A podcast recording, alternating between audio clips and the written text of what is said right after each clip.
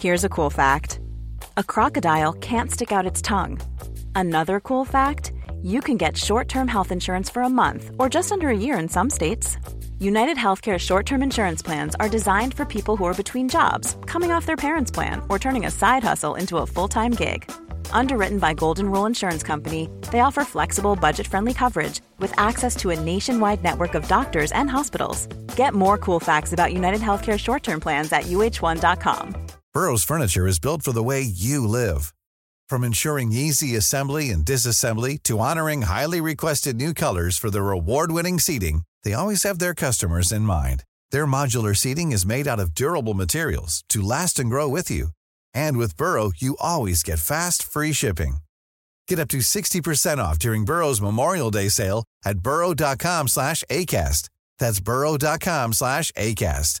burrow.com slash ACAST.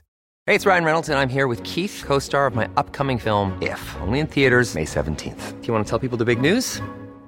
All right, I'll do it. Sign up now and you'll get unlimited for $15 a month in six months of Paramount Plus Essential Plan on us. Mintmobile.com slash switch. Upfront payment of $45 equivalent to $15 per month. Unlimited over 40 gigabytes per month. Face lower speeds. Videos at 480p. Active Mint customers by 531.24 get six months of Paramount Plus Essential Plan. Auto renews after six months. Offer ends May 31st, 2024. Separate Paramount Plus registration required. Terms and conditions apply if rated PG.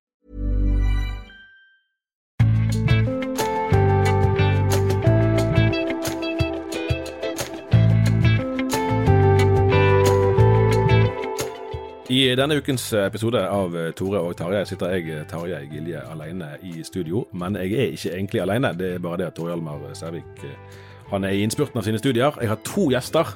Bjørn Are Davidsen, til daglig rådgiver i Tankesmien Skaperkraft. Du har vært her før. Det har jeg. Det Velkommen veldig, tilbake. Takk, takk for å bli invitert tilbake. Veldig fint. Og Ole Petter Erlandsen, til daglig faglig leder i Åpne dører. I dag mest som privatperson. Ja. Hjertelig velkommen til deg òg. Tusen takk. Tor Hjalmar er jo historikeren av oss, og han pleier å dra linjene tilbake til antikken ca. I dag skal ikke vi helt dit, men vi skal ganske langt tilbake i tid. og Vi skal prøve å gjøre et stort og komplekst emne tilgjengelig. Eh, Men vi skal altså 1000 år tilbake, det er jo neste år da, egentlig. Vi skal snakke om kristenretten. Det er neppe et eh, begrep som selv flertallet av landets eh, kirkegjengere har i sitt daglige vokabular. Hvorfor skal vi snakke om dette? Ja, Ole Petter er- eller Bjørn Are begynner. Ja. Det er eh, mange måter å begynne eh, på det her, men, men det som er saken er at eh, spørsmålet er hva innebærer det at et land endrer seg på helt fundamentale måter? Og noe av det som kanskje er mest tydeligst, ser vi i lovverket.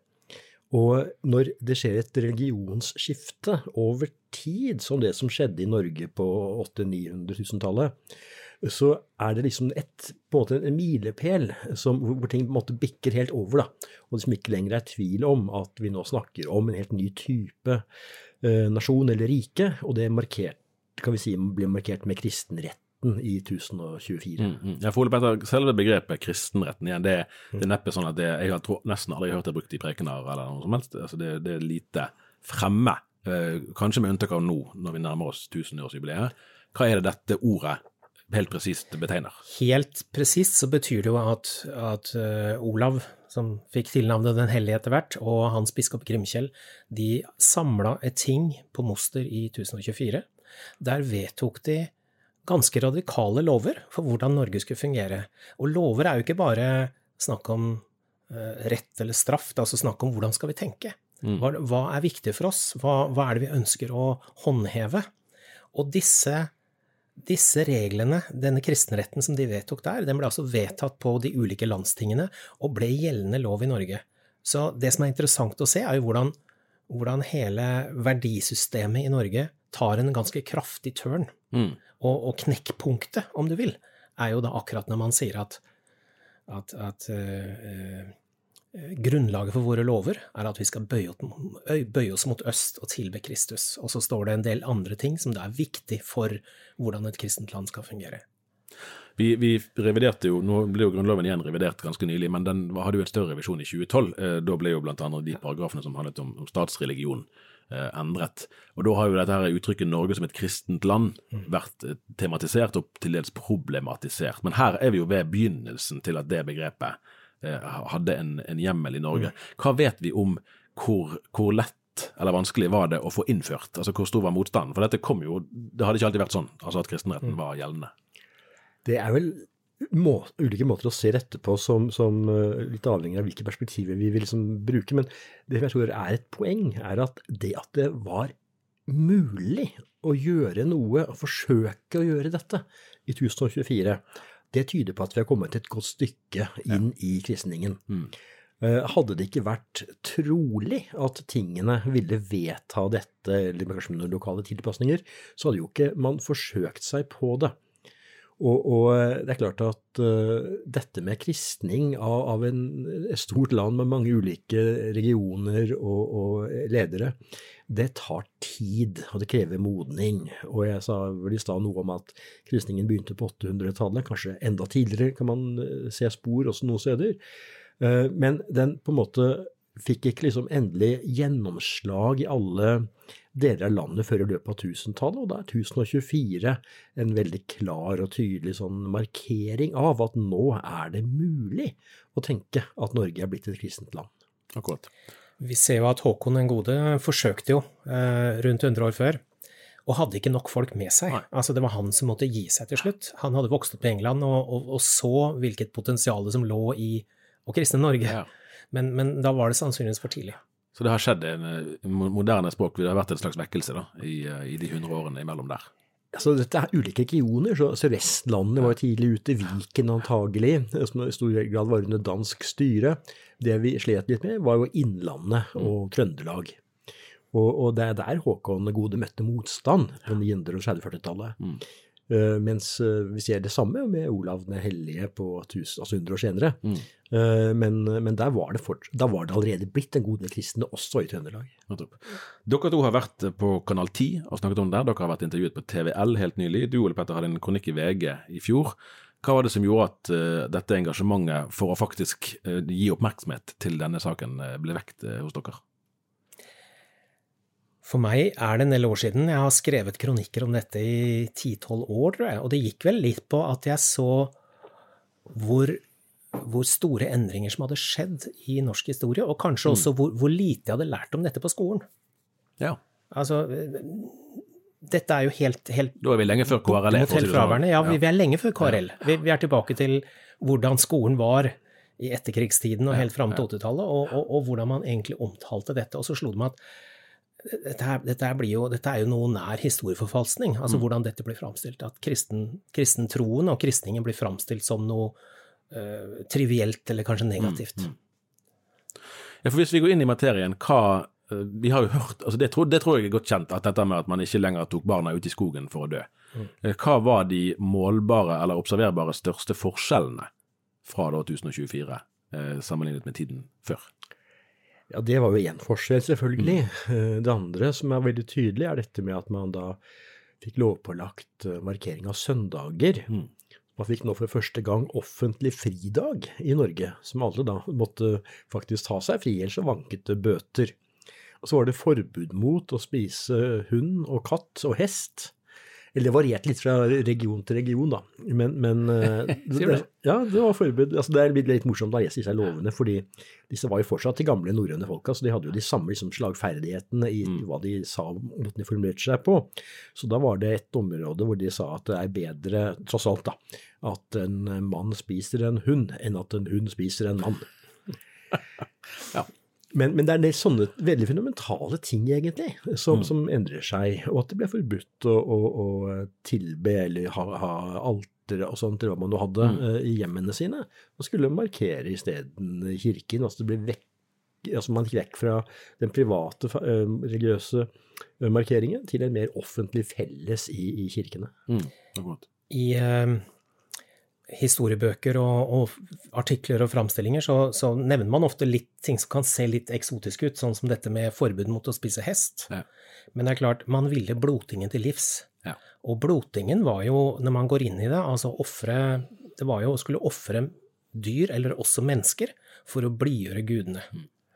Og øh, menneskeofring pågikk jo, sånn som i Sverige, mye lenger enn i Norge, fordi kristningen der kom seinere. Ja. Og både Adam av Bremen og, Og Titmar av Merseburg, altså to sånne biskoper som rapporterte om hvordan blotene foregikk, fortalte om at de, de drepte et ganske stort antall mennesker, eller 99 mennesker hvert niende år i, på, på Sjælland. Mm. Og, og, Adam forteller om ved blotene i Uppsala at de, de, de, drepte ti menn og hengte dem opp i trær i en hellig Mm. lund. ikke sant? Det var en, det var en ganske voldsom praksis som kristenkongene ønsket å stanse. Mm. Og en av måtene var å si ok, ikke spis hest og lat som om du gjør det for å spise hest fordi du er glad i å spise hest, men blodet skal bort. Ja. En, når jeg har prøvd å lese litt grann, eh, i forkant her, så er jo en sånn endring som, som blir omtalt, eh, som har ringvirkninger senere, eh, det er jo at vi, vi har lært å si at rett skal være rett. Det er et sånn allment uttrykk som er så allment at vi knapt tenker over hvor det kommer fra, men det er ikke så veldig vanskelig å se for seg at i mange sammenhenger så er jo virkeligheten at makt skal være rett. Yes. Eh. Og Når man f.eks. ser på russisk historie helt inn nå, med, med krigen i Ukraina, sant? hvorfor ikke det er flere internt som protesterer?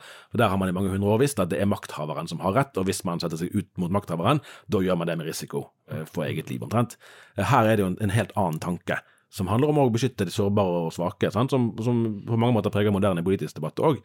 Er det en direkte linje eh, fra Ja, kristningen det, det til dette? er jo det. Altså, I kristningen får du et helt nytt prinsipp i lovgivningen.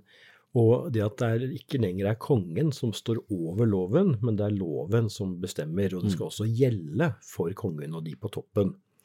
Og nå er det sikkert sånn at man kan peke på mange tilfeller hvor det har vært, ikke vært i praksis sånn, da.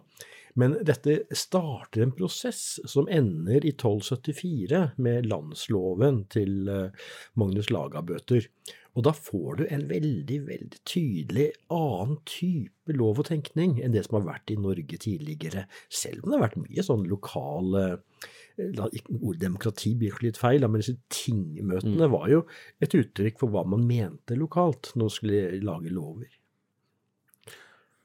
Ja, For, for her, her møter vi jo på òg eh, Du nevnte at dette her, grunn, grunnlaget for lovene skulle være å bøye seg eh, for Kvitekrist. Sant? Da har du på en måte et religiøst innsteg til lovforståelsen.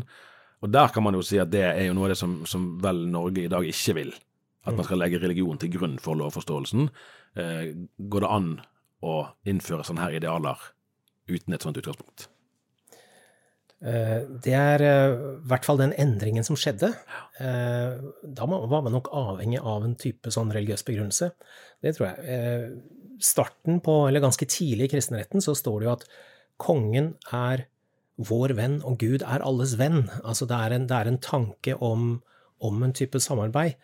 Og, og, og det at kongen er på vår side, han er ikke bare en maktperson som, som bestemmer sjøl, men, men han skal faktisk eh, sørge for at Guds rett skjer. Og, det er jo en tanke rundt alle de kristne kongedømmene som, som skilte seg veldig ut fra de klassiske.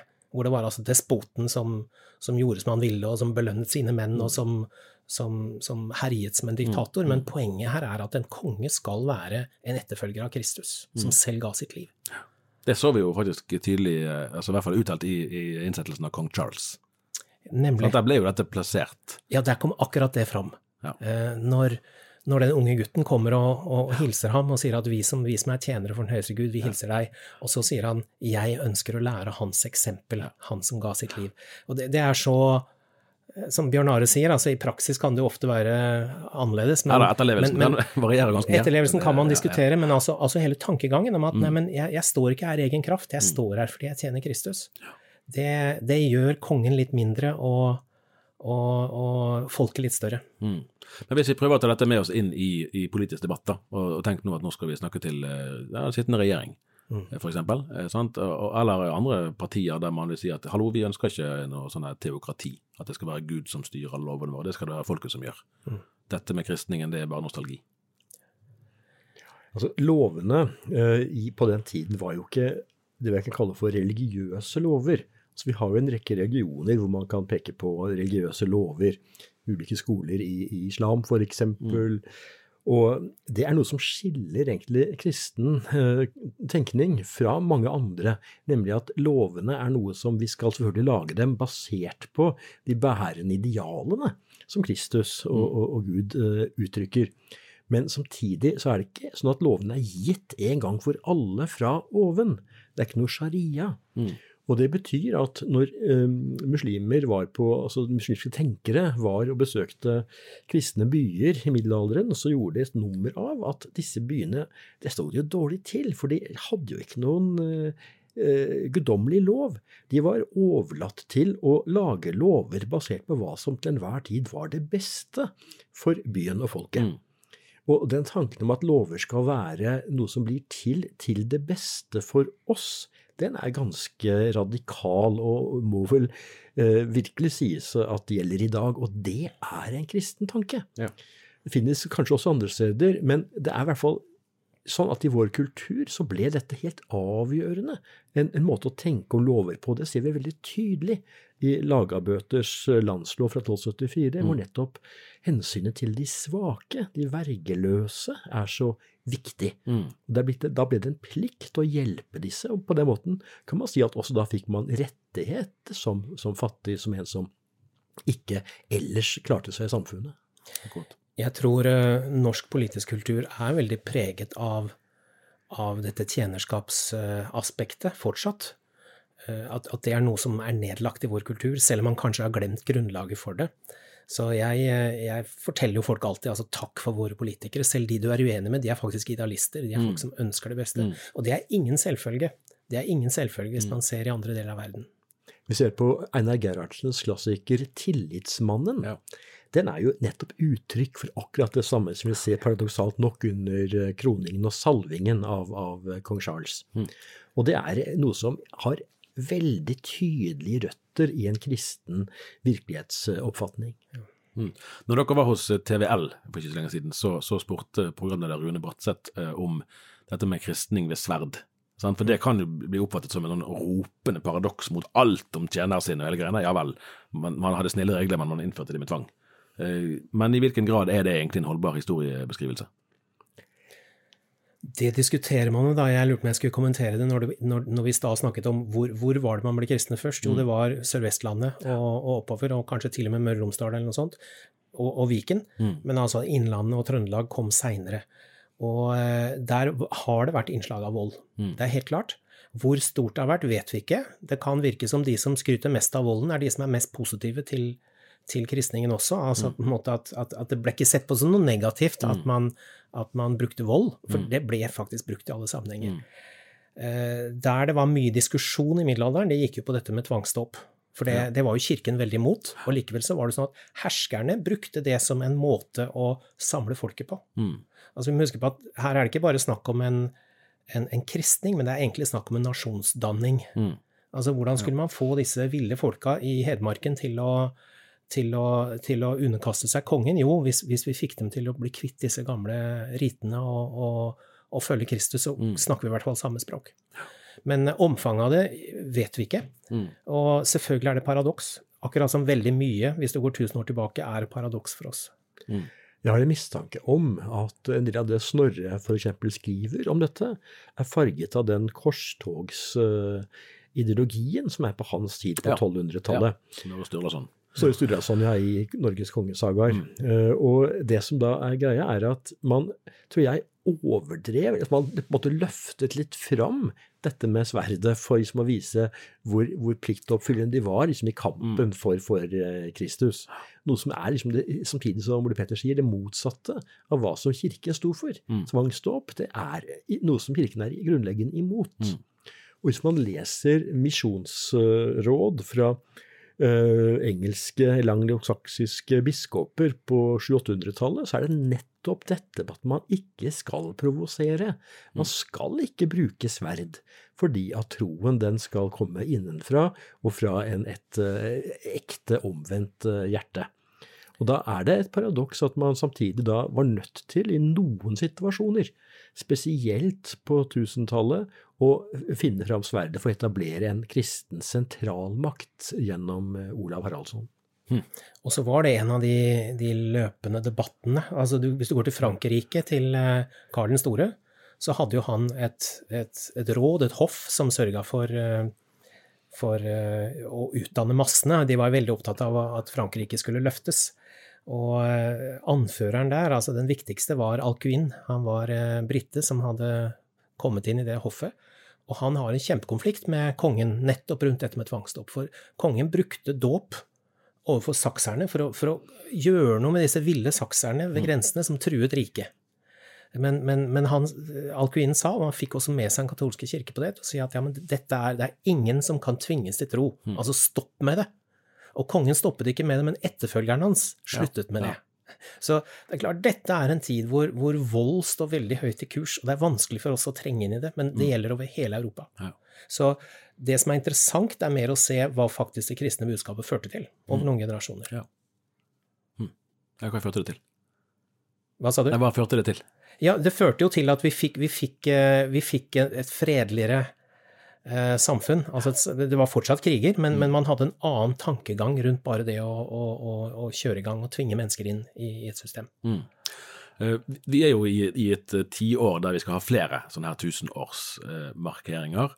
Eh, Og det har vært noe eh, debatt om i hvilken grad det på en måte, bare blir en markering av altså mangfold og det som vi nå ser på som sentrale idealer, og at det som var den historiske opprinnelsen, kommer litt i bakgrunnen. Hvordan tenker dere nå om, om det jubileet som skal være til neste år? Kommer vi til, og kommer regjeringen, kommer myndighetene, det offentlige Norge til å faktisk ta på alvor det som var kristningen, kristenretten, eller ser dere for dere til det blir mer en sånn eh, feiring av egentlig av nåtidens Norge? Ja, hva man faktisk eh, politisk eh, velger å bruke dette til, kan jo være flere forhold. Og det, der vil det være ulike leirer, helt sikkert. Men det som jeg kjenner til, og vi i Skaperkraft har vært involvert en del i forarbeidet her, er jo nettopp en veldig tydelig markering av kristenretten og betydningen av den. Da har vi hatt bl.a. Uh, Jørn Øyragen Sunde, Ja. som har stilt opp veldig mye. Ikke på vegne av Skaperkraft, men på vegne av seg selv Ja, ja. og rettshistorien i Norge. Og han har vært utrolig eh, klar og, og bestemt på hvordan dette faktisk endret Mm. samfunnet og førte fram til landsloven i 1274, og den har da 750-årsjubileum neste år. Ja. Så det. Jeg tror eh, det er en økende bevissthet i i hvert fall blant de kristne i Norge, over at uh, dette trenger vi å løfte fram. Det, det, det våkner og, og det det virker som en del uh, våkner i forhold til å se på dette som viktig. Og jeg tror også at hvis vi, hvis vi løfter verdiene, fordi at uh, når det er snakk om lover, så er det også snakk om verdier. Hvis vi løfter de verdiene som var viktige i forbindelse med kristningen neste år, i forbindelse med kristenhetsjubileet, så tror jeg også det vil prege den måten vi feirer riksjubileet på i 1030. Mm. Ja. Eh, Hvor, hvor det lett kan bli snakk om eh, kongemakt mot bondemakt, eller dansker mot, uh, mot, mot nordmenn, eller hva som helst. Hva for noen tegn ser du på, på det at, at det er en økende bevissthet blant kristne om det? Jeg sitter jo i, i en komité som jobber med, med arrangementet neste år. Altså ikke det offisielle arrangementet, men, men de tilleggs eh, som kommer til å bli i kristen regi. Og, og det er flere som tar kontakt og som lurer på hvordan kan vi være med på dette. Det blir en bønnekonferanse, nasjonal bønnekonferanse på Moster neste år. Ja, for det var det jeg vil spørre litt om hva eh, For her, her tror jeg det er sånn som jeg kan forstå det så langt, at det er en, en reell sannsynlighet for at dette blir egentlig en, en markering som det offentlige Norge eh, gjør på sin måte. Eh, og der vil det jo være mer eller mindre kontakt sikkert med, med det som skjedde på Moster eh, og etterkant av det. Eh, men hva bør kirkene gjøre for å ta feiringen på alvor, og å ta den med seg inn da i vår tid? For det vil å skru klokken tilbake er jo generelt en vanskelig øvelse, og heller vel ikke alltid så veldig ønskelig. Men hva skal, man, liksom, hva skal dette bety for prester, pastorer og kirkegjengere i dag? Jeg tror det viktigste er å løfte hodet og si at ok, vi har blitt fortalt i så mange år om alle negative ting rundt kristningen og alt med kristning av sverd, men vi trenger å finne fram til hva det faktisk betydde, og vi trenger å løfte hodet og si at vi har faktisk vært med på noe stort, vi har vært med på å danne en nasjon. Ja. Ja. Og ja, pluss pluss at dette, det er også viktig å få fram at dette er ikke bare de kristnes arv, altså dette er hele nasjonens arv. Altså, historien har blitt holdt litt tilbake for alle nordmenn, fordi vi er en del av den samme verdirevolusjonen alle sammen.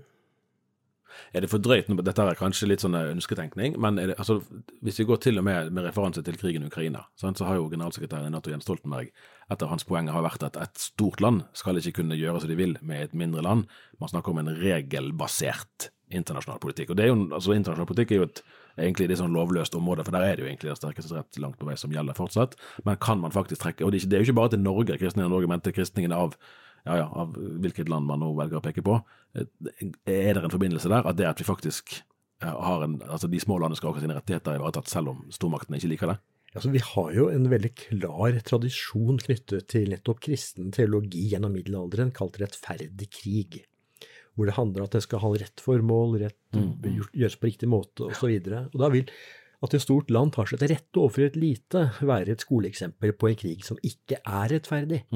Og denne tanken om rettferdig krig, hvor den som ikke er de sterkestes rett og makten som bestemmer, men det er retten og loven og, og hensynet til de svakeste, den har kommet inn gjennom eh, denne tenkningen i middelalderen.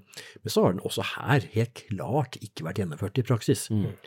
Og, og det er jo litt av den nære saken som gjør at man i middelalderen ser, eh, også under kristningen og før det, et slags skille mellom fyrstene, kongene på den ene siden, og kirken, som Petter nevnte, hvor en alkuin gikk ut mot Karl den store rundt år 800.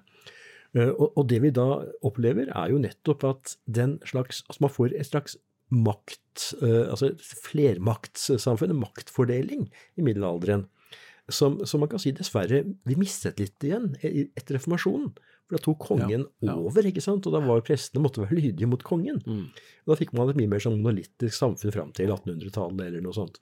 Fram til Ha- Ha- Hauge og andre vekkelser som på en måte brakte inn igjen den eh, klare spenningen mellom eh, de troende og makten.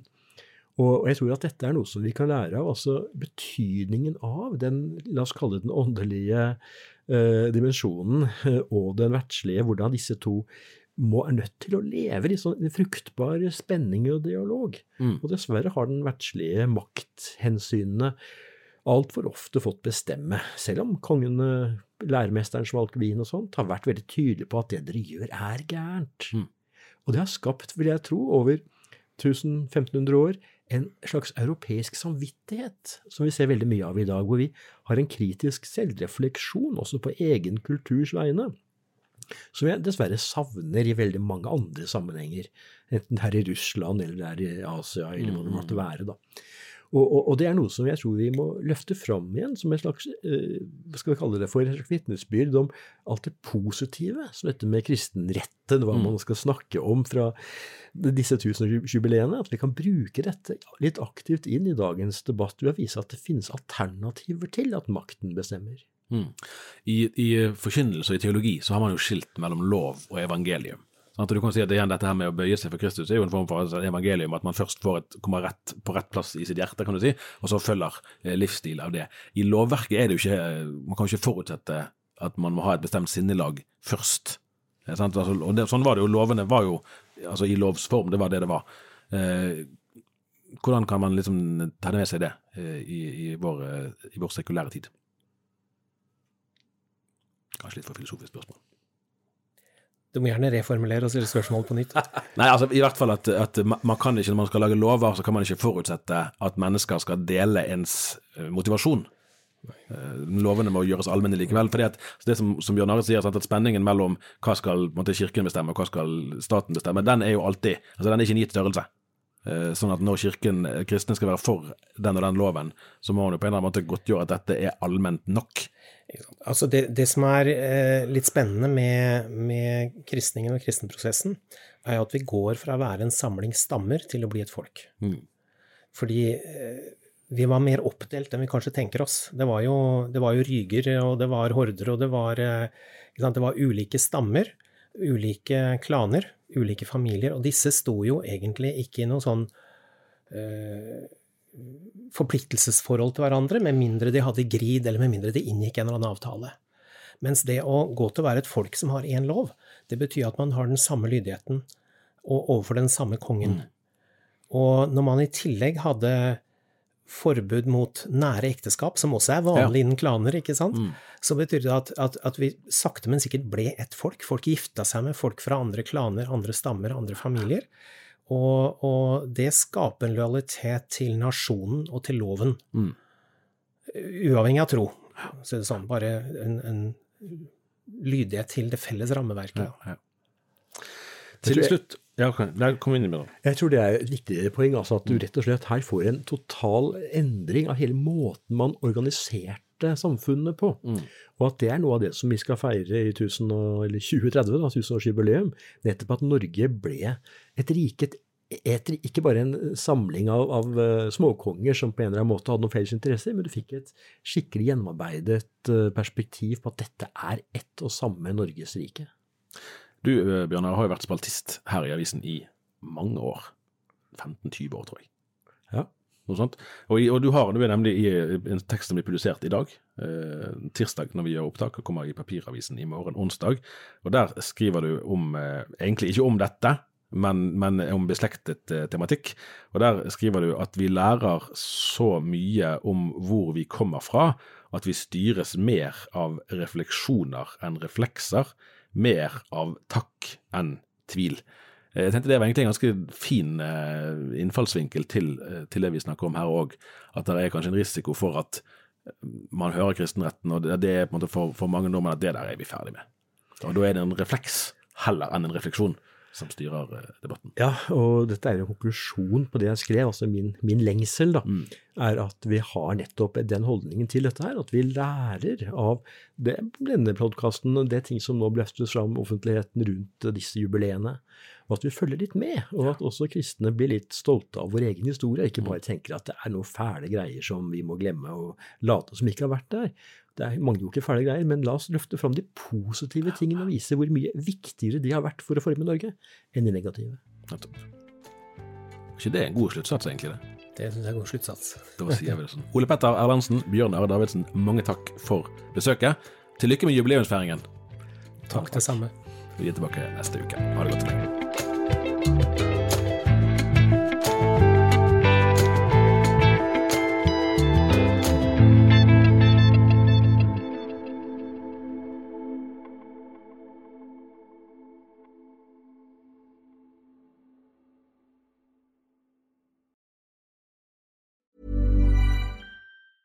Even when we're on a budget, we still deserve nice things. Quince is a place to scoop up stunning high-end goods for 50 to 80% less than similar brands. They have buttery soft cashmere sweaters starting at $50, luxurious Italian leather bags, and so much more. Plus, Quince only works with factories that use safe, ethical, and responsible manufacturing. Get the high-end goods you'll love without the high price tag with Quince. Go to quince.com/style for free shipping and 365-day returns. When you make decisions for your company, you look for the no-brainers. If you have a lot of mailing to do, stamps.com is the ultimate no-brainer. Use the stamps.com mobile app to mail everything you need to keep your business running with up to 89% off USPS and UPS. Make the same no-brainer decision as over 1 million other businesses with stamps.com. Use code PROGRAM for a special offer. That's stamps.com code PROGRAM.